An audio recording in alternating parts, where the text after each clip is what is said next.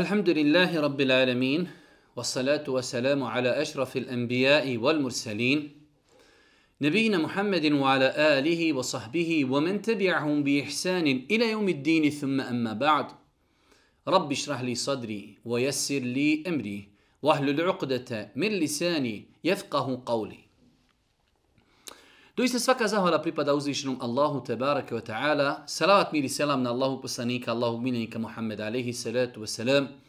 Njegovu časnu porodicu, njegove uzorte ashabe i sve ljude koji slijede put istine do sudnjega dana. Uvažena braću, poštovani sestre, uvaženi gledatelji, evo nas u još jednoj emisiji, još jednom predavanju u kojem se družimo sa odabranim kuranskim ajetima. Kao što znate, mi od mjeseca Ramazana imamo naš stalni termin srijedom i četvrtkom u kojim se družimo sa odabranim kuranskim ajetima i više puta smo govorili da je cilj ovih predavanja jednostavno da ljudima približimo Kur'an, kuransku poruku, da jednostavno ljude podučimo i podstaknemo kako i na koji način da živi sa Kur'anom, kako da izučavaju Kur'an, kako praktično da iz određenih kur'anskih ajeta svati određene poruke i propise. Večeras evo družimo se, hvala uzvišom Allahu Tebark Vetala, sa 25. surom Kur'ana, sura El Furqan. sura El Furqan ima 77 ajeta, Po konsenzusu islamskih učenjaka Mufesira, tu je sura objavljena u Mekke. Mnogo puta smo u zadnje vrijeme spominjali razliku između objavi u Mekki i objavi u Medini. Rekli smo sve ono što je objavljeno prije Hidžri, islamski učenjaci su smatrali da je to objavljeno u Mekki, a sve što je objavljeno nakon Hidžri smatra se medinski učenjaci period objave, pa makar to bilo objavljeno i u Mekki, kao što su ajeti koji su objavljeni u vrijeme kada Allah poslanik bio na oproslom hađu, oni su objavljeni u, Me u Mekki, ali potpadaju pod medijinski period objavi. Kažu islamski učenjaci da ova sura e, njene pouke, njene poruke, generalne poruke mogle bi se rezimirati u nekoliko stvari. Prva stvar, e, jer smo rekli, da je to od odlika mekanskog e, perioda objave jeste da ustvrđuje, potvrđuje i dokazuje da je Kur'an objavljen od uzvišenog Allaha te barak ve ta'ala i da je to objava koja se objavljuje Božijem poslaniku alaihi salatu ve selam. Druga stvar o kojoj govori ova sura kroz različite kontekste jeste uh, E, potvrda ubjeđenja i vjerovanja da će čovjek biti proživljen, da postoji sudnji dan, jer su ljudi tog vremena, e, u vremenu kada se pojavio Allah poslanik, ali se letu sram, kada ga uzvišeni Allah počastio poslanicom, e, određen broj ljudi je imao nejasnoće i nisu vjerovali da može Allah insana usmrtiti i da može ponovo biti proživljen i da može polagati račune i nakon toga da bude znači nagrađen ili kažnjen. Pa nam ova sura govori o e, dokazima koji potvrđuju da će uzvišen Allah svojena tela proživjeti ljude na sudnjem danu. Isto tako rekli smo da je od odlika mekanske objave, a to e, je prisutno u ovoj suri, jeste govor o Allahovom savršenstvu, o njegovoj veličini, o njegovom monoteizmu, o teuhidu, jednoći uzvišenog Allaha subhanahu wa ta'ala. Isto tako, e, sura govori o oholosti onih koji su poricali Allahov subhanahu wa ta'ala govor i određenim e, nejasnoćama ili izjavama ili riječima koje su oni iznosili e, boreći se protiv istine, negirajući Allahov subhanahu wa ta'ala govor. Isto tako, sura govori određenim e, pojavama oko nas, o određenim stvorenjima koja opet ukazuju na Allahu subhanahu wa ta'ala veličinu. I na kraju ova sura vidjet ćemo u neki 13 ajeta govori o svojstvima robova milostivog.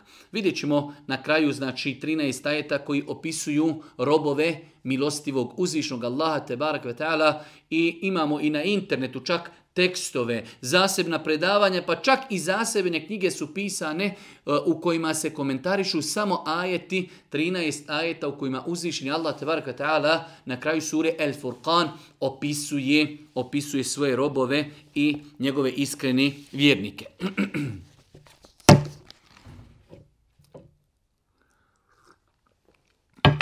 Uzvišnji Allah subhanahu wa ta'ala počinje suru El Furqan ajetom Tebarake allazi nazzala al furqana ala abdihi liyakuna lil alamin nadhira. Neka je uzvišen onaj koji robu svome objavljuje Kur'an da bi svjetovima bio opomena.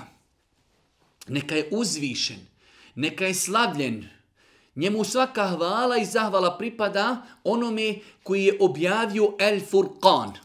Ovdje prevodioc prevodi da je to Kur'an i jest. Hvaljen je Allah koji je objavio Kur'an da bi bio opomena ljudima. Ali Allah ovdje Kur'an naziva El Furqan. Kur'an ima više imena. Jedno od imena Kur'ana jeste El Furqan – knjiga koja rastavlja istinu od neistine. Jer u osnovi, e, znači, El Faruq, El Furqan, jeste rastavljanje istine od neistine. Pa kaže uzvišeni Allah, neka je uzvišen i hvaljen onaj koji robu svome objavljuje El Furqan, Kur'an, koji rastavlja istinu od neistine, da bi svjetovima bio opomena.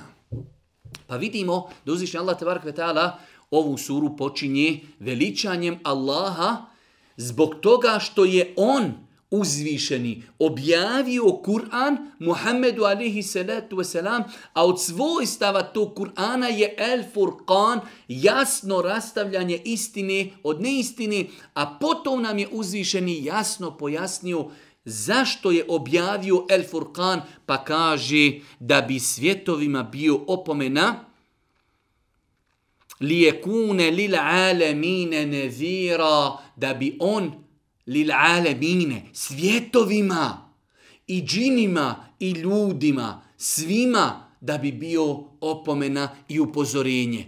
Allah poslani kari se letu selam opisan je od strane uzvišenog Allaha subhanahu wa ta'ala beširan wa neziran, da donosi radosne vijesti, ali i da upozorava. Pa je jedna od uloga objavljivanja Kur'ana da bude nezir, da bude upo, upozorenje, da bude, da bude znači e, upozorenje ljudima, Šta će im biti ako budu pokorni Allahovi robovi, šta ih čeka ako budu nepokorni. Pa je ovo jedan veličanstven ajet koji nosi u sebi nekoliko koristi. Prva stvar, veličanje Allaha. Druga stvar, on potvrđuje da je Allah taj koji je objavio Kur'an Muhammedu alihi salatu wasalam i jasan je odgovor onima koji kažu Kur'an je napisao Muhammed alejhi salatu ve selam, a mi smo na to odgovarali e, znači više puta.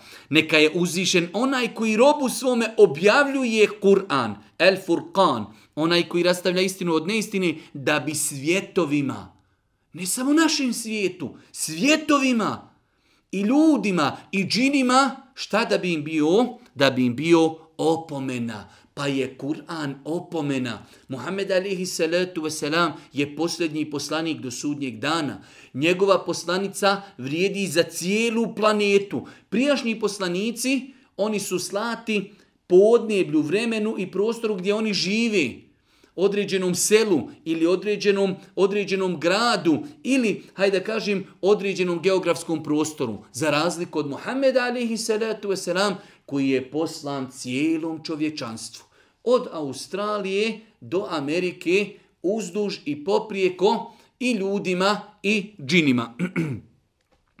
pa nastavlja uzviši Allah u drugom ajetu i kaže onaj kome pripada vlast na zemlji i na nebesima, koji nema djeteta, koji u vlasti nema ortaka i koji je sve stvorio i kako treba, bez ikakve greške uredio. Subhanallahil azim, poslušajte ovaj opis uzvišenog Allaha. On je taj kom je pripada vlast na nebesima i na zemlji. Istinska vlast je u Allaha te barake ta'ala. On je stvorio zemlju i nebesa. Na zemlji i nebesima ne može se ništa desiti bez njegove dozvoli. Pa je, kaže, onaj kom je pripada vlast na nebesima i na zemlji, koji nema djeteta. Vidjeli smo koliko puta uzvišeni Allah u Kur'anu negira da on ima djete. Djete. I ovo je ponovo odgovor kršćanima koji kažu da je Isa alihi salatu wasalam Allahov sin. Allah kaže nema uzvišeni Allah dijete koji u vlasti nema ortaka. Njegova je vlast na nebesima i zemlji. On nema dijete, on nema ortaka. I govorili smo neku noć kako uzvišeni Allah na racionalni način pokazuje ljudima da ima više bogova, došlo bi do ratova, došlo bi do nadmetanja ko je jači, ko će pobjediti, ko će koga poniziti, kao što je običaj na Dunjalu kada su u pitanju vladari. Ali je Allah, Allahu samed, kul huvallahu ahad, reci on je jedan, on je utočište, on je utočište svakome, kaže i koji je sve stvorio. Allahu ekber. Allahu ekber. Allah je taj koji je sve stvorio. Sve što vidimo, sve je stvoreno osim uzvišeni Allah. Sve mimo njega je stvorenje. I onda kaže na kraju وَحَلَقَ كُلَّ شَيْءٍ فَقَدَّرَهُ تَقْدِيرًا I kako treba, bez ikakve mahane uredio. Pogledajte kako je čovjek savršen. Pogledajte kosmos. Pogledajte kosmos pogledajte zemlju, pogledajte planine, pogledajte rijeke, pogledajte mora, pogledajte e, vjetrove, pogledajte pogledajte oblake, pogledajte zvijezde, pogledajte sunce, pogledajte mjesec, pogledajte galaksiju, sve je to savršeno kaže uzvišeni Allah wa khalaqa kulla shay'in faqaddarahu taqdira i kako treba i bez ikakve greške sve je stvorio i sve je i sve je uredio pa je ovo jedan veličanstven ajet kojim je uzvišeni Allah tebarak ve taala započeo suru El Furqan Nakon toga u 12. ajetu U 12. ajetu kaže uzvišeni Allah إذا رأتهم من مكان بعيد سمعوا لها تغيظا وزفيرا وإذا ألقوا منها مكانا ضيقا مقرنين دعوا هنالك ثبورا لا تدعوا اليوم ثبورا واحدا وادعوا ثبورا كثيرا قل أذلك خير أم جنة الخلد التي وعد المتقون كانت لهم جزاء ومصيرا Govori uzvišenje Allah subhanahu wa ta'ala o stanovnicima džehennema i njihovom dolasku u džehennem i njihovom prvom viđenju vatri. Pa kaže uzvišeni Allah, kad oni, kad od njih bude udaljeno toliko da je mogu vidjeti, kada znači, ha, približe se njoj da je vide. Čuće kako gnjevna ključa i od bijesa huči, a kada budu bačeni u nju, u tjesnac, vezani ruku, propast će tamo prizivati ne prizivajte danas jednu propast, nego prizivajte mnoge propasti. Allahu ekber. Kada ljudi dođu blizu džehennema, čuće njegovu huku, čuće kako kaže, čuće e, njegov gnjev, kako ključa i od bijesa huči, pa će biti bačeni u tjesnac, svezani ruku, pa će početi prizivati propast. Daj da ovo nestani, daj da se završi, daj da umrijemo. Daj da umrijemo pa će im biti rečeno prizivajte koliko god hoćete propasti, ostajete vi tu vječno. I poslušajte šta kaže nakon toga. Reci, da li je bolje to biti u džehennemu, u tjesnacu, u vatri ili vječni džennet koji je obećan onima koji se budu Allaha bojali? Je li bolje biti u džennetu, u hladinama, sa hurijama, u rijekama, u dvorcima, uživanje, živanje, Znači ono što čovjek poželi, je li bolje to? Ili je bolje biti u vatri? A evo mi smo na Dunjaluku. Imamo mogućnost da odaberimo jedno ili drugo. Allah nas je stvorio i dao nam je slobodnu volju. Imamo put vjeri, put pokornosti, put dženneta. Imamo put nevjerovanja, put grijeha, put nemorala, put poricanja, put džehennema pa izaberi o Allahov robe. Ali nam Allah ovdje na slikovit način kaže je li bolje ovo u džehennemu ili je bolje biti u džennetu? Da li je bolje to u džehennemu ili vječni džennet koji je obećan onima koji se budu Allaha bojali? Džennet je obećan onima koji se Allaha boji. Rekli smo bojati se Allaha znači imati neprestano na umu svijest da nas Allah neprestano vidi činiti ono što je naređeno, ostavljati ono što je zabranjeno, napraviti između sebe i Allahove kazni zastor od pokornosti koji će nas štititi od Allahove te barke od ta'ala kazni. Pa kaže uzvišeni Allah, da li je to bolje u džehennemu ili vječni džennet koji je obećan onima koji se budu Allaha bojali. Oni će imati nagrada i prebe, on će im biti nagrada i prebe, prebivalište. U njemu će do vijeka, vječno. Sve što žele imati. Allahu ekber. Poslušajte ovaj ajet gdje Allah Đešanu kaže Lehum fiha ma ješa une halidin. Oni će u džennetu ostati vječno, a u njemu će imati šta poželi.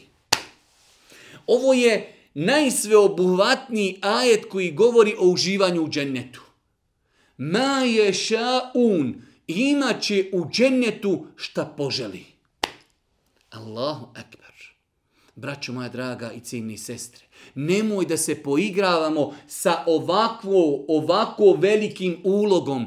Imaće u džennetu šta poželi. Ostaće u njemu hali din, dovijeka, vječno uživanje sa džennetskim ljepoticama, gledanje u lice uzvišenog Allaha, sa poslanicima, sa šehidima, sa čestitim, rijeke mlijeka, rijeke meda, džennetske ljepotice, hurije, dvorci, uživanje. Nemojte dozvoliti da se poigravamo sa propisima islama, da izgubimo vječni ahiret zbog prolaznog, zbog prolaznog dunjaluka. On, džennet, će im nagrada i prebivalište biti. U njemu će do vijeka ostati i sve što žele imati. To je obećanje gospodara tvoga. On, oni će imati pravo to iskati od njega. Pa braćo moja draga, vidimo kako uzvišnji Allah ovdje pravi komparaciju je li isto biti u džehennemu i je li isto biti u džennetu i uživati. Pa braćo moja draga i cijeni sestre, razvisno ovom ajetu. Evo mi smo na Dunjaluku, još imamo priliku da krenimo putem dženneta, putem vjeri, putem pokornosti, putem čednosti, putem morala, putem takvaluka, da zaslužimo Allahovu subhanu wa ta'ala nagradu i njegovu milost.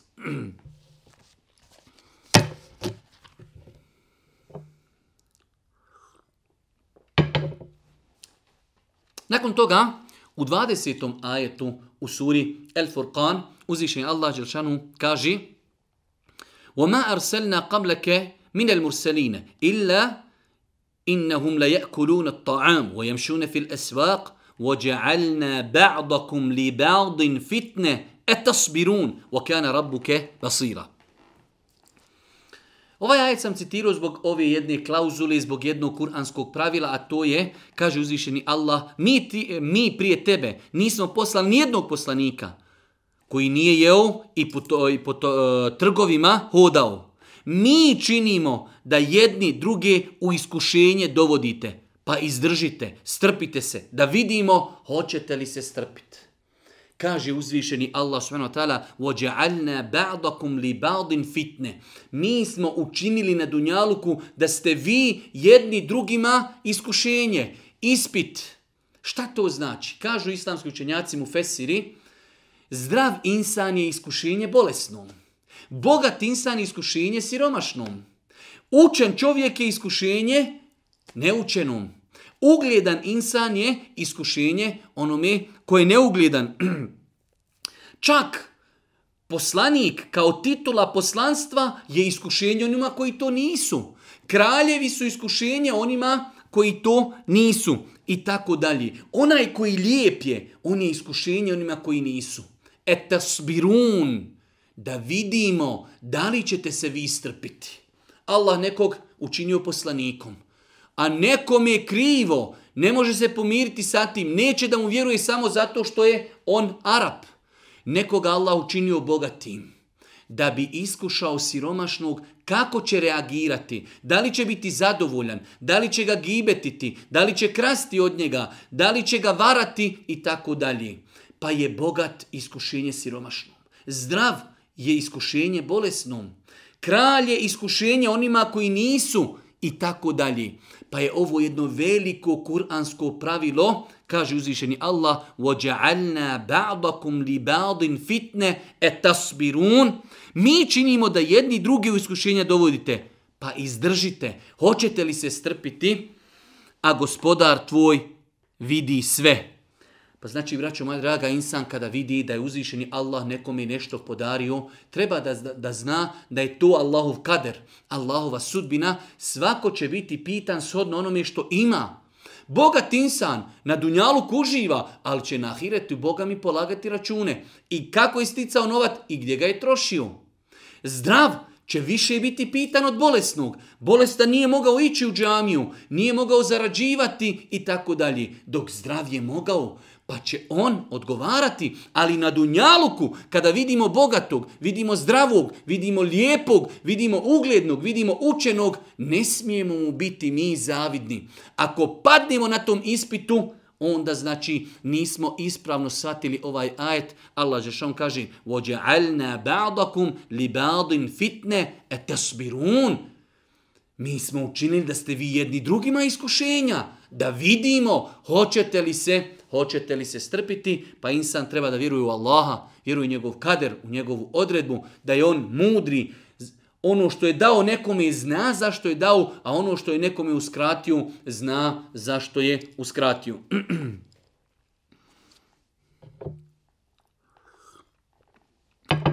U 23. i 24. ajetu suri El Furqan kaže uzvišeni Allah وقدمنا إلى ما عملوا من عمل فجعلناه هباء منثورا أصحاب الجنة يومئذ خير مستقرة وأحسن مقيلة I mi ćemo pristupiti dijelima njihovim, koja su učinili i u prah i pepeu ih pretvoriti. Allahu Ekber. Govori nam uzvišeni Allah s.w.t. o kategoriji ljudi nevjernika, ljudi licemjira, ljudi koji su činili dijela a ne radi Allaha. Prvenstveno znači se misli na ljude koji su nevjernici. Nevjernici zbog svojih dobrih dijela imaju korist na dunjaluku. Na ahiretu oni ne mogu očekivati od svojih dobrih dijela ništa, jer je uvjet da bi dijelo bilo primljeno da čovjek bude musliman i da ga radi iskreno radi Allaha. Pa kaže uzvišeni Allah, mi ćemo pristupiti njihovim dijelima i učinit ćemo ih pra, prašina, da, znači do te mjeri da to neće imati svoju nikakvu težinu. Ovdje ovaj termin, čitam u tefsirima danas, kaže uzvišeni Allah, heba en menthura. Heba, kažu islamski učenjaci, šta je heba? Jer Allah Žešan kada govori da će uništiti njihova dijela, učinit će i kaže heba en menthura. Prevodi se ovdje pepeo i prašina, a učenjaci tefsira kažu uh, Znate kada svjetlo negdje e, proviri u neku prostoriju, pa vidimo one praške koje ne možemo uhvatiti. Eheba u ovom ajetu, to je ta prašina koju čovjek ne može uhvatiti. Tako će uzvišeni Allah uništiti dijela, dobra dijela koja su ljudi radili kao nevjernici ili ljudi kao licemjeri ili ljudi koji su se pretvarali radići dobra dijela, postaće kao prašina koja se vidi samo na suncu. Toliko je sitna, toliko je neopipljiva da je ne može čovjek ni vidjeti ako nema zraka, posebni zraka sunca. Pogledajte ovo kuranskog izražavanje koliko će uzvišeni Allah odbiti njihova dijela, kako će ih uništiti, kako će ih upropastiti. Pa je uvjet, braćoma, dragi cini sestre, da čovjek uradi dobro djelo, da bi bilo kabul, da bi bilo primljeno kod Allaha subhanahu wa ta'ala, treba da se ispune poznata dva uvjeta da djelo bude urađeno radi Allaha. Tražeći time Allahovo zadovoljstvo, njegovo lice, njegovu nagradu i da bude u skladu sa sunnetom Božijeg poslanika, alihi salatu wasalam. Pa je mnogo bitno da čovjek pazi na svoj ihlas, na svoj nijet, na svoju namjeru prilikom obavljanja dijela da radi dijelo samo radi Allaha. Znamo svi onaj poznati hadis da Allah poslanik alaihi salatu wasalam kazao prve tri osobe koji će biti bačene u džehennem jesu muđahid na Allahovom putu, čovjek koji udjeljivao imetak, čovjek koji imao znanje ili bio karija Kur'ana. Pa će biti rečeno, onom je muđahidu, zašto si se borio, zašto si poginuo, pa će kazati, zbog tebe ja gospodaru, pa će mu biti rečeno, lažiš. Ti si se borio da te ljudi vide da si hrabar. Ljudi su te vidjeli, ljudi su kazali da si hrabar, vodite ga u džehennem. Onaj koji udjeljivao, udjeljivao je ne radi Allaha, udjeljivao je da ljudi vide, da ga ljudi pohvali, da kažu kako ovaj udjeljuje, on je džometan, ljudi su to vidjeli, ljudi su to rekli, vodite ga u džehennem. Tako će biti i sa hafizom Kur'ana, tako će biti i sa alimom. Pa insan mora paziti prilikom činjenja dobrih dijela, paziti na namjeru, na srce, Dijela se čini iskreno radi Allaha kako ne daj Bože ne bi bio obuhvaćen ovim ajetom koji prvenstveno govori o dijelima nevjernika koji su činili na dunjaluku.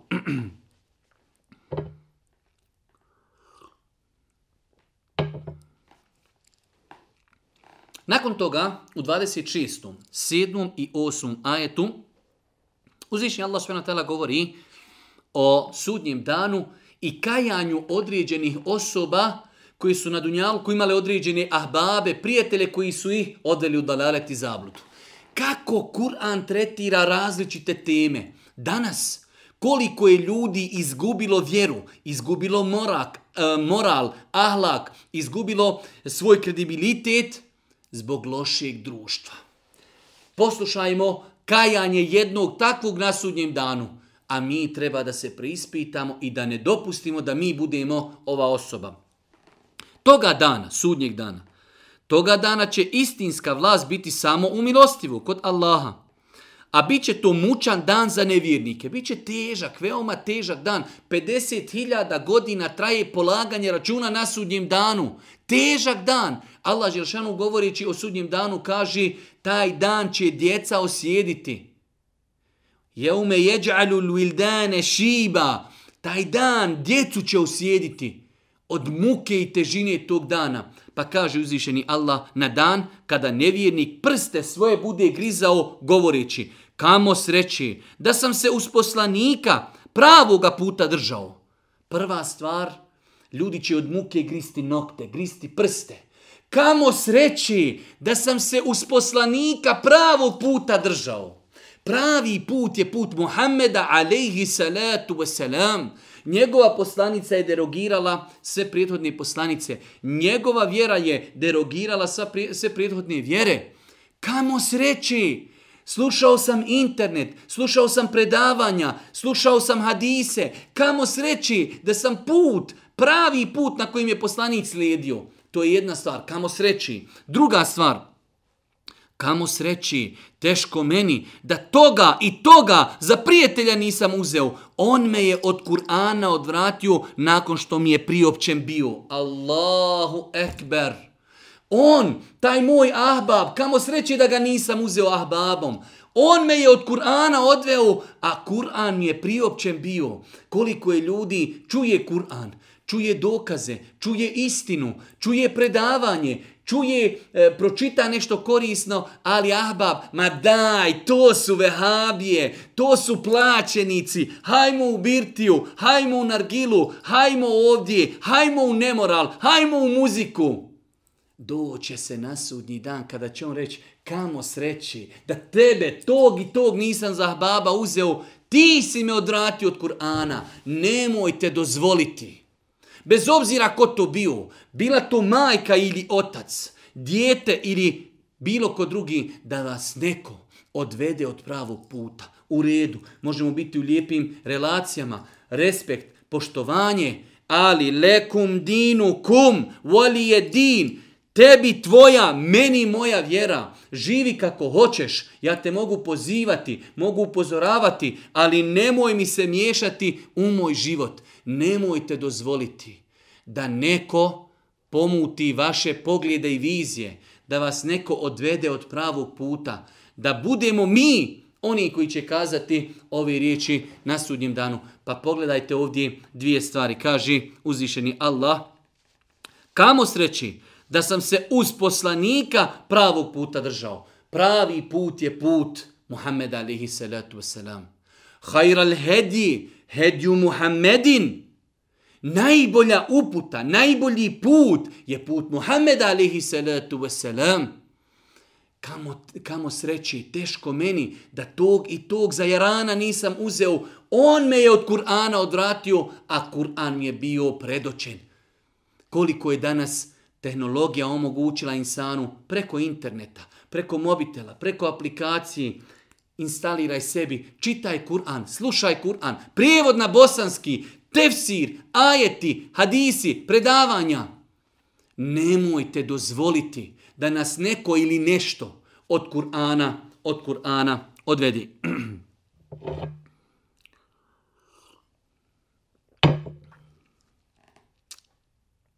U 30. ajetu sure El Furqan uzvišnji Allah govori prenosi nam riječi Allahu eh, prenosi riječi poslanika koji se žali na svoj narod kako su ljudi ostavili i zapostavili Kur'an. Pa kaže, وَقَالَ الرَّسُولُ يَا رَبِّ إِنَّ قَوْمِ إِنَّ قَوْمِ تَحَذُوا هَذَا الْقُرْآنَ مَهْجُورًا Poslanik je rekao, gospodaru moj, narod moj ovaj Kur'an izbjegava. Ovdje je to spomenuto kao vid kritike, pa su kazali islamski učenjaci izbjegavati Kur'an znači izbjegavati raditi po Kur'anu, izbjegavati čitanje Kur'ana, izbjegavati razmišljanje o Kur'anu i izbjegavati odgoj putem Kur'ana, izbjegavati vjerovanje ono koje nalaže Kur'an, izbjegavati prakticirati ono što od nas traži Kur'an. Sve su to uh, stvari koje potpadaju pod pojam izbjegavanja Kur'ana. Poslanik je rekao, gospodaru moj, narod moj, ovaj Kur'an izbjegava. Pa insan treba da se pazi, e, čak imam Ibnu Kethir, rahmetullahi alihi, kaže, izbjegavanje Kur'ana jeste davanje prednosti bilo čemu drugom nad Kur'anom.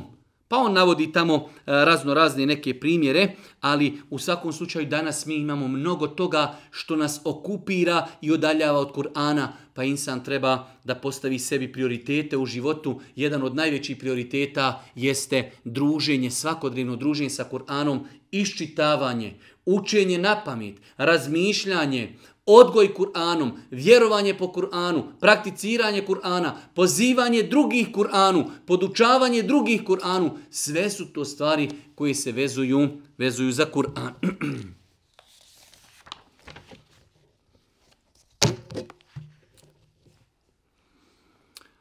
U 32. ajetu suri El Furqan uzvišnji Allah subhanahu wa ta'ala kaže وَقَالَ الَّذِينَ كَفَرُوا لَوْلَا نُزِّلَ هَذَا الْقُرْآنُ جُمْلَةً وَهِدَةً كذلك لنثبت به فؤادك ورتلناه ترتيلا jedan ajet koji nam govori šta je to svrha da je Kur'an objavljivan postepeno. Prijašnje knjige su objavljivane u kompletu. Za razliku od Kur'ana koji je objavljivan 23 godine shodno prostoru, vremenu i potrebi. Nekada se desi određen događaj pa bude objavljen ajet odgovor na to. Pa sutra bude neka potreba, pa bude objavljen ajet kao potreba i tako dalje. Juče smo govorili kada se desila potvora na Aishu, čekalo se pa su objavljeni ajeti koji su bili odgovor na određeno pitanje i situaciju. Pa uzvišeni Allah ovdje pojašnjava razlog zašto Kur'an nije objavljen kompletan, A nevjernici su to smatrali kao neka mahana. Zašto Kur'an odjednom ne bude objavljen? Pa kaže uzvišeni Allah, oni koji ne vjeruju, oni koji ne vjeruju govori. Trebalo je da mu Kur'an bude objavljen čitav i to odjednom. To je bila njihova neka opaska. Zašto Kur'an odjednom ne bude objavljen? Allah Đeršan odgovara takvima i kaže a tako se objavljuje da bismo njime srce tvoje učvrstili i i mi ga sve ajet po ajet objavljujemo. Mi ga objavljujemo tako da bi srce tvoje učvrstili. Desilo se određen problem, dolazi Kur'an, ajet objavljen, pa to rješava. Desio se drugi problem, Kur'an dolazi i rješava, daje rješenje, nudi rješenje, a to učvršćuje srce. Pa Allah Đelešanu se obraća poslaniku i kaže mi smo Kur'an objavljivali tako linuthebite bihi fu adek da bi na taj način objavljujući Kur'an postepeno učvrstili i tvoje srce također. Pa je razlog Zašto je Kur'an objavljen u toku 23 godine, a ne odjednom da bi učvrstio srce Allahovog poslanika, a svakako nakon toga i naša srca? Pa čovjek iščitavajući Kur'an, družeći se sa Kur'anom, naći će u njemu odgovore koji će učvrstiti njegovo srce u imanu, u islamu, u vjerovanju, u uzvišenog Allaha subhanahu wa ta'ala. U 43. ajetu suri El Furqan uzvišeni Allah subhanahu wa ta'ala kaže Era'ejte men ittehaze ilahehu hewa Efe ente tekunu alehi wakila Kaži ti meni Hoćeš li ti biti čuvar onome koji je strast svoju za Boga svoga uzeo? Allahu Ekber. Allah Đelšanu postavlja pitanje, hoćeš li ti sačuvati i biti štitnik onome koji je s tvoje strasti za Boga uzeo. Navodi e, imam El Kurtubi da u tefsiru ovih riječi i taheza ilahehu hevahu ej eta'a hevahu. Uzeti strasti za božanstvo svoje smatra da to znači da se čovjek pokori onome što od njega njegova duša i njegove strasti taž, ka, traži. Kaže se od Hasana el Basrija da je rekao La jehdi še'en illa i tebe'ahu. Što god mu bude duša tražila, on se tome odazovi. To znači uzeti strasti za Boga. Nažalost, živimo u vremenu kada se možda nikada u historiji čovečanstva ljudi nisu povodili za hirovima i strastima i izazovima kao sada. Pogledajte samo dokol, do koje mjere su se ljudi odaljili kada je u pitanju nemoral, kada su u pitanju grijesi, kada je u pitanju razgoličenost. Šta god šeitan rekne, može li? Šta god duša zatraži, može li? Može. Može od nemorala, od grijeha, od alkohola, od kladionica, od prevara, od razgoličenosti, od što god duša traži, insan ne daje nikakav otpor. Čovjek treba da zna da postoji nekoliko najvećih neprijatelja. Jedan od najvećih neprijatelja jeste šetan. Jedan od najvećih neprijatelja jeste njegova duša i njegovi prohtjevi. Čovjek mora da se bori protiv svojih prohtjeva. Svakom je duša i šetan do šaptava, idi učini grije. Ali je vjernik taj koji kontroliše svoju dušu, a nevjernik i grešnik je taj koji je svojoj duši pustio cugle. Idi gdje hoćeš, vodi gdje hoćeš, traži šta hoćeš, ja ću ti to sve ispuniti. Pa znači ovdje Allah Žešan upozorava, jesi li vidio o Muhammede ti čovjeka koji je svoje strasti za Boga uzeo? Šta god strasti traži, on se tome ispuniti on se tome pokorava, pa insan treba da se trudi. Živimo u vremenu izazova, interneta, društvenih mreža, živimo u vremenu pornografije, satelitskih kanala, filmova, serija. I te kako to utječe na čovjeka, čovjek se mora boriti protiv svojih strasti. Ne smije dopustiti da ga strasti nadladaju i da ne daj Bože strasti uzme za svoga Boga i za svoje božanstvo.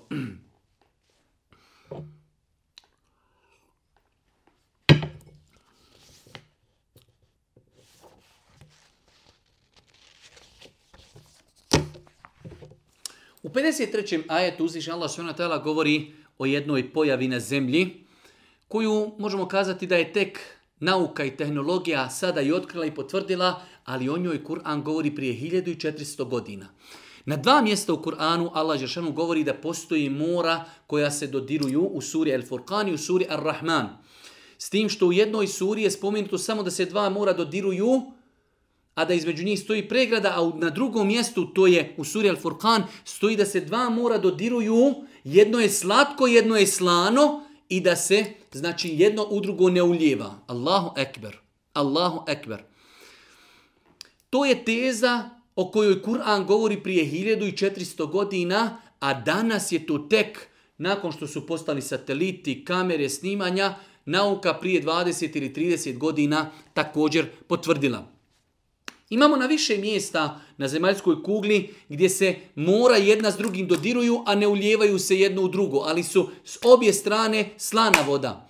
Ali imamo, kao što kažu e, naučnjaci, e, na, na mjestima, primjer, Sjeverna Amerika, gdje se određene rijeke slatke vode uljevaju u Atlantski okean, pa te rijeke kada se uljevaju u Atlantski okean dužinom 80 km postoji zastor da se morska voda ne uljeva u tu riječnu vodu. I imamo riječni svijet, svi mi znamo kolika je razlika između slatke i slane vode i to su dva posebna svijeta. Ribe koje žive u slatkoj vodi ne mogu živjeti u slanoj i obrnuto. Dva različita svijeta, pa Allah prije 1400 govor, godina govori Muhammedu alaihi salatu wasalam da je to on tako stvorio da je to njegov pokazatelj. Ashabi u to vrijeme nisu uopšte rekli, a postaniće, je li to tačno? Gdje je to? Mi bi voljeli da to vidimo. Je li to objavio Allah? Jeste, to je istina. Pa kaže uzvišeni Allah, وَهُوَ الَّذِي مَرَجَ الْبَحْرَيْنِ هَذَا عَذْبٌ فُرَاتِ وَهَذَا مِلْهُمْ مُجَاجِ وَجَعَلَ بَيْنَهُمَا بَرْزَخًا وَحِجْرًا مَحْجُورًا On, Allah, nije to priroda, nije to samo po sebi, On je dvije vodene površine jednu pored druge ostavio. Jedna je pitka i slatka, a druga je slana i gorka, a između njih je pregradu i nevidljivu branu postavio. Allahu Ekber. Prije 1600 godina. Zato sam vam kazao više puta, Kur'an govori o različitim stvarima. Govori o geografiji, govori o planinama, govori o rijekama, govori o kosmosu, govori o nastanku čovjeka, govori o oblacima, govori o nastanku čovjeka, o mnogim pitanjima. I danas, elhamdulillah, kako se tehnologija razvija svakim danom, desetine i stotine kuranskih ajeta nauka potvrđuje. Ne postoji jedan ajet za kojeg je nauka rekla e ovo u Kur'anu nije tačno. Nemoguće. Zašto? Jer je to knjiga od uzvišenog Allaha te barake o ta'ala. Pa kaže uzvišeni Allah, on je dvije vodene površine, jednu pored druge ostavio. Dvije vodene površine, jedna pored druge. Jedna je pitka, slatka, riječna voda, Druga je slana i gorka, a između njih je pregradu i nevidljivu branu postavio. On je to uradio. To je Allah tako stvorio. To nije fenomen sam po sebi nastao.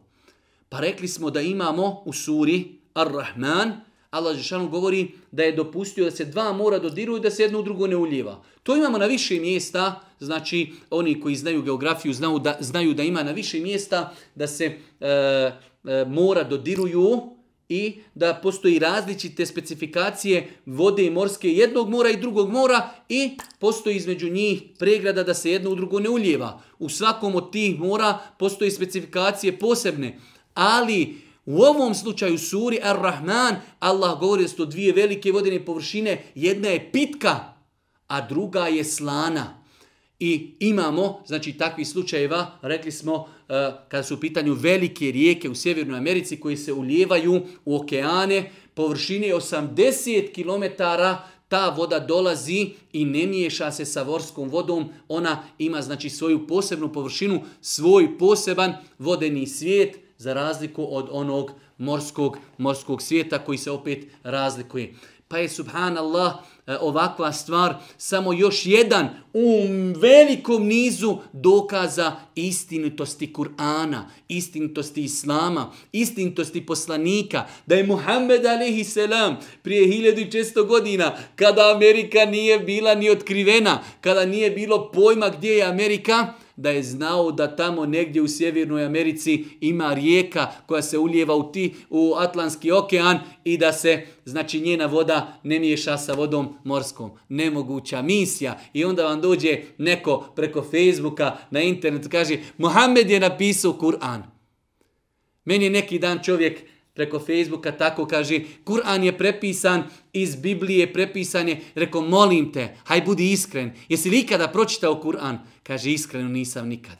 Pa kako, rekao, bolan, tvrdiš, Kur'an prepisan iz Biblije, a ti nikad Kur'an nisi pročitao. Ali on to čuo preko društvenih mreža kao papagaj, kako drugi to govore i to je kod njega prošlo. Ne može proći. Kur'an nije prepisan iz Biblije daleko. Kur'an tretira određena pitanja koja su spomenuta u Bibliji i to nema nikakav problem, ali da je Kur'an prepisan iz Biblije, apsolutno ne, apsolutno hiljadu puta ne.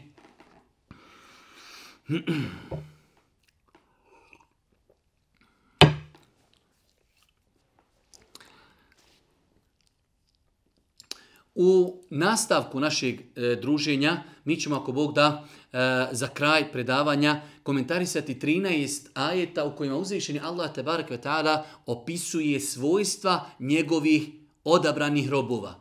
Wa ibadu rahman, robovi milostivog. Rekli smo da islamski učenjaci uh, u komentaru ovih ajeta uh, pripremali su predavanja kompletna, e, brošure se pišu, knjige se pišu, komentarišući samo ove ajete u kojima se spominju opisi al robova uzvišnog Allaha te barak vitala, mi ćemo kratko se za, znači zaustaviti kod svakog ajeta i spomenuti nešto najosnovnije, 13 ajeta, opisi vjernika robova milostivog. Pa kaže uzvišeni Allah, wa ibadur rahmanil ladhina jemšuna ala al ardi hevna, wa iza hatobehum ul jahiluna Kalu selama. A robovi milostivog su oni koji po zemlji mirno hodaju. Prvi opis, vjernik nema kibura, vjernik nema oholosti. Zašto da se oholi? On je stvoren od kaplice sjemena. On, on je svjestan Allahove veličine. On je svjestan svoje sitnice, koliko je on sitan, koliko je, koliko je e, malehan, Zato nema potrebe da gordo nešto hoda po zemlji. Pa Allah Žešanu kaže, a robovi milostivog su oni koji po zemlji mirno hodaju. Mirno, bez ikakve panike, bez oholosti, bez uznemiravanja drugih ljudi. A kada ih neznalice, bestidnici, oslovi, odgovori im mir vama. Voljevine, وَإِذَا خَوْتَبَهُمُ الْجَاهِلُونَ قَالُوا سَلَامًا A kada im se džahili, neznalice, obrate, oni kažu selama, selam alaikum, ma nemam vremena za tebe. Ali kako ih je Allah oslovio? Džahilun, džahil, neznalica, insan koji nema znanja. Ovaj ajet nam je tako danas potreban za društvene mreže. Kada neko vidiš da nema znanja, da lupa, ko maksim po diviziji, Nemam vremena za tebe. Selam aleikum, mirna Bosna, ma idi, tebi se ne može ništa pojasniti. Wa idha khatabahum al-jahilune, qalu selama. Kada im se obrati, kada ih vrijeđaju ko? Ne zna lice, nema znanja, ne možeš mu ništa pojasniti.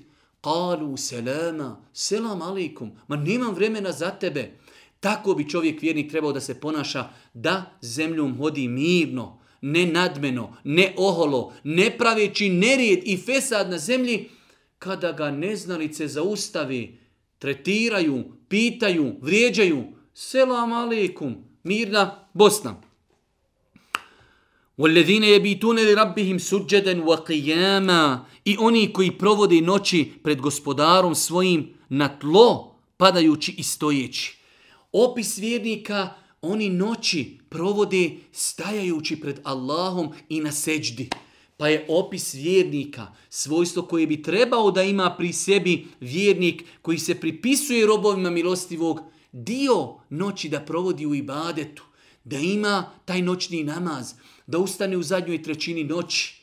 Allah subhanahu wa ta'ala, kao što je potvrđeno u vjerodostavnom hadisu imama Buharije, svake večeri u zadnjoj trećini noći spušta se na dunjalučko nebo pa kaže ima li neko da nešto traži? Ima li neko da moli da mu oprostim, da traži, da mu to dam? Pa je svojstveno vjernicima da dio noći provode u noćnom namazu, da su na seđdi, da plaču, da stoje, da dovi, da zikri, da veličaju uzvišenog Allaha subhanahu wa ta'ala.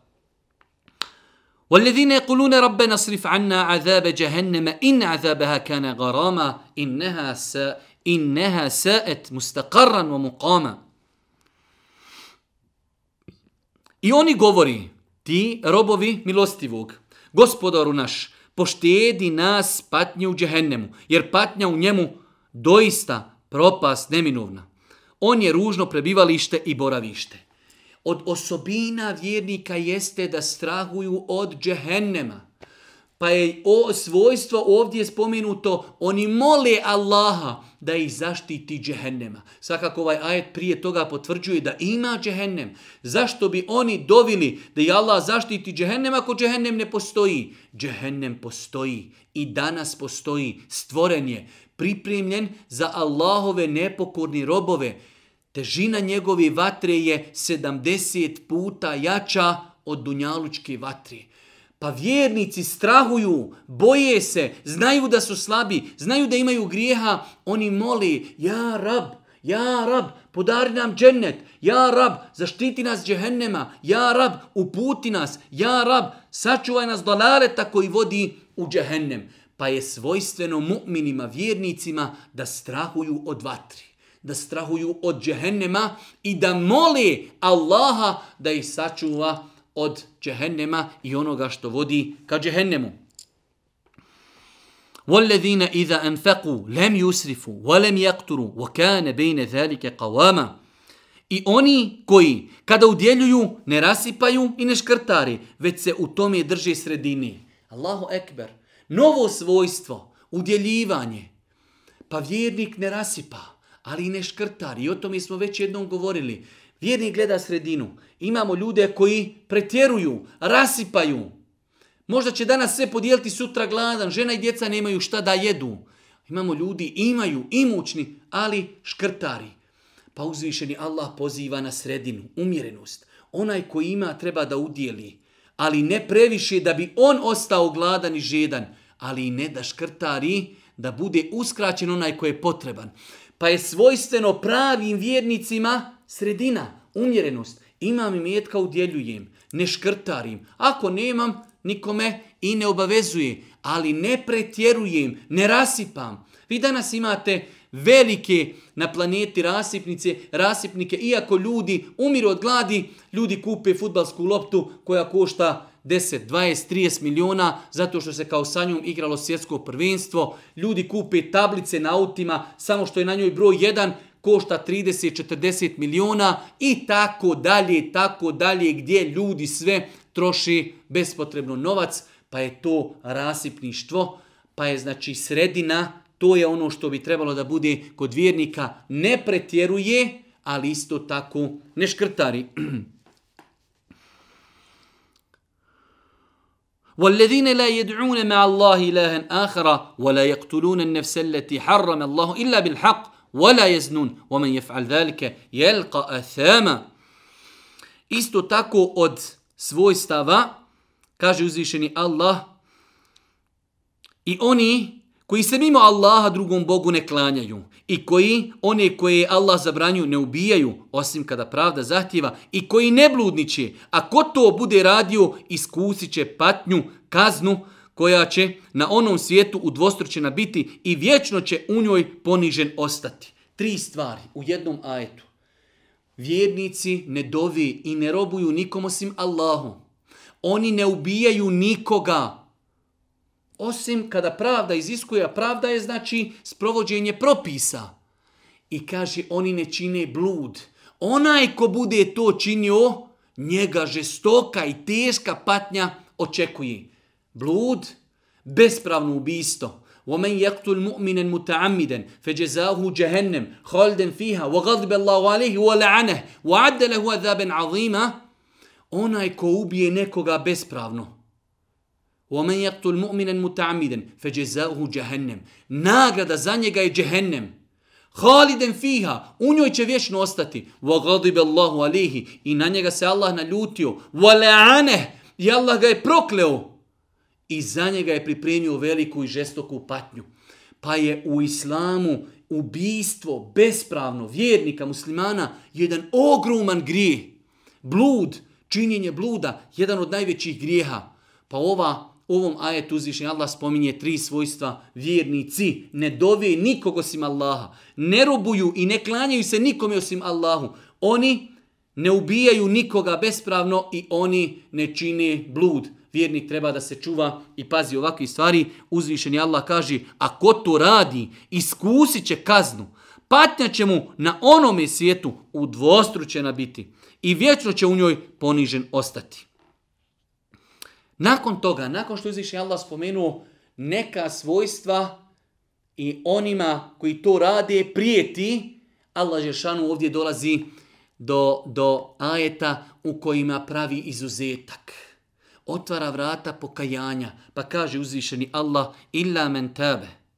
Wa amene, wa amil amelan saliha, fe ulaike jubeddilu Allahu sejiatim hasenat, wa kana Allahu gafuran rahima. Wa A onima koji se pokaju i uzvjeruju i dobra djela čine, Allah će njihova hrđava i loša djela i grijehe u dobra pretvoriti.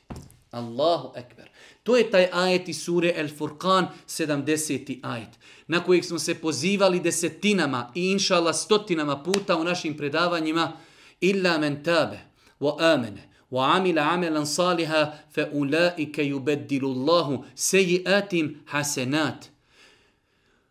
Onaj ko radi grijehe bit će kažnjen, osim oni koji se pokaju i uzvjeruju, vjeruju Allaha i rade dobra djela, pokorni su, ispunjavaju ono što im je naređeno, Allah će njihova hrđava djela i grijehe pretvoriti u dobra. Allahu ekbar! Ovo je ljepota dina, ovo je ljepota i savršenstvo Islama. Neki ljudi to doživljavaju, pa vi time pozivate na grijehe. Apsolutno ovo je Allahov govor. Oni koji su već u grijesima, treba im otvoriti vrata pokajanja. Brate, vrati se, brate, ostavi grijehe, ostavi nemoral, ostavi blud, ostavi kamatu, ostavi kladionice, ostavi prevaru. Vrati se Allahu, uzvjeruj, pokaj se, radi dobra djela, Allah će, ako budeš iskren i ako se istinski pokaješ i uzvjeruješ i radiš dobra djela, Allah će tvoje grijehe u dobra djela pretvoriti. To su riječi uzvišenog Allaha, a najistinitije su njegove riječi. Treba, braću moje dragi cijeni sestre, da gledamo na život optimistično. Da ljude pozivamo, ostavite nemoral, ostavite grijehe, počnite klanjati, nositi mahramu, ostavite kladionice. Allah će vam oprostiti ako se pokajete, ako uzvjerujete istinski i ako budete radili i činili dobra djela.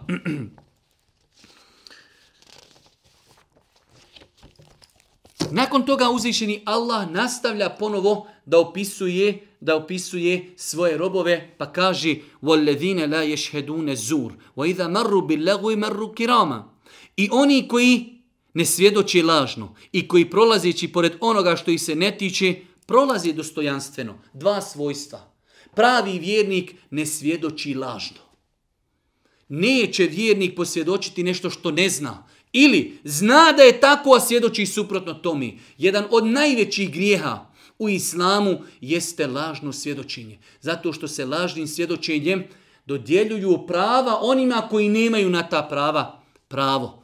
Pa insan treba da se boji Boga, da zna da je svojstveno vjernicima, onima koji su robovi milostivog, da ne svjedoči lažno svjedočenje, I kaže, i koji prolazići pored onoga što ih se ne tiče, prolazi dostojanstveno. Kaže Allah poslanik ali se letu selam min husni islam il mar'i tarkuhu ma la ya'nihi. Potpunost, ljepota, savršenstvo islama nečijeg jeste da se ostavi onoga što ga se ne tiče. I koji prolazići pored onoga što ih se ne tiče, dostojanstveno, ma nemam vremena, Nemam vremena za ono što me se ne tiči. I oni koji, kada budu opomenuti dokazima gospodara svoga, ni gluhi, ni slijepi ne ostanu. Svojstveno mu'minima jeste da na njih upozorenje ostavlja traga. Svojstveno vjerniku je da na njega upozorenje ostavlja traga. Kada čovjek kaješ, brate, boj se Allaha, Rekao je uzvišeni Allah da je kamata zabranjena. Rekao je Allah poslanik da je jedan od najvećih grijeha ostaviti namaz. Na vjernika to ostavlja traga. To je svojstveno vjernicima da na njih upozorenje, citiranje ajeta, citiranje hadisa ostavlja traga još u njihovom srcu ima života. والذين يقولون ربنا هب لنا من ازواجنا وَذُرِّيَّاتِنَا قُرَّةَ أَعْيُنْ وَجَعَلْنَا لِلْمُتَّقِينَ إِمَامًا I oni koji govori, gospodaru naš, podari nam u ženama našim i djeci našoj radost i učini da se čestiti na nas ugledaju. Svojstveno je mu'minu da dovi Allahu. Gospodaru učini u porodici mojoj i u djeci mojoj i u supruzi mojoj radost toka moga. Da kada dođem kući, da sam radostan, da vidim suprugu veselu, da vidim da je pokorna, da je čestita, moralna. Gospodaru moj, učini da takvi oni budu. Ali učini da se bogobojazni u nas ugledaju i da mi budemo iđalna lil mutteqine imana, da mi bogobojaznim ljudima budemo prijedvodnici. Allahu ekver, pogledajte ove ambicioznosti. Ne samo da mi budemo bogobojazni, ne. Učini učini O gospodaru, toliko nas popravi i toliko nas učvrsti da mi budemo onim bogobojaznim, dobrim tvojim robovima, mi njima da budemo uzor, da mi njima budemo prijedvodnici i imami. Pogledajte te ambicioznosti i pogledajte te dovi. Nakon toga, nakon svih ovih opisa, uzvišeni Allah kaže U laike judzeune l'gurfete bima saberu wa yulekavne fiha tehijeten wa selama halidine fiha hasunet mustakaran wa muqama. Kaže uzvišeni Allah na kraju svih ovih opisa oni će biti za ono što su trpjeli odajama džennetskim nagrađeni. Oni će zbog onoga što su trpili, vjernik trpi iskušenja, izazove i tako dalje, oni će biti za ono što su trpili odajama džennetskim nagrađeni. U njima će pozdravom, i blagoslovom biti susretani, u njima će vječno ostati, a kako su one divno prebivalište i boravište. Gurfeten dobit će sobe, dobit će nastambe u džennetu u kojima će vječno ostati uživati. Zbog čega? Jer su saburali, jer su se jesu se strpili na putu pokornosti uzvišenom Allahu subhanahu wa ta'ala. Molim uzvišenom Allahu subhanahu wa ta'ala da nas učini od onih ljudi koji će pri sebi imati ova plemenita svojstva. Molim ga subhanahu wa ta'ala da učini Kur'an prolećem naših srca, da nam bude milostiv na sudnjem danu i na kraju subhaneke. Allahumma da bihamdike, ešhedu in la ilaha ilan stakfiruke, ve etubu ilik. Oh, ah. oh, oh.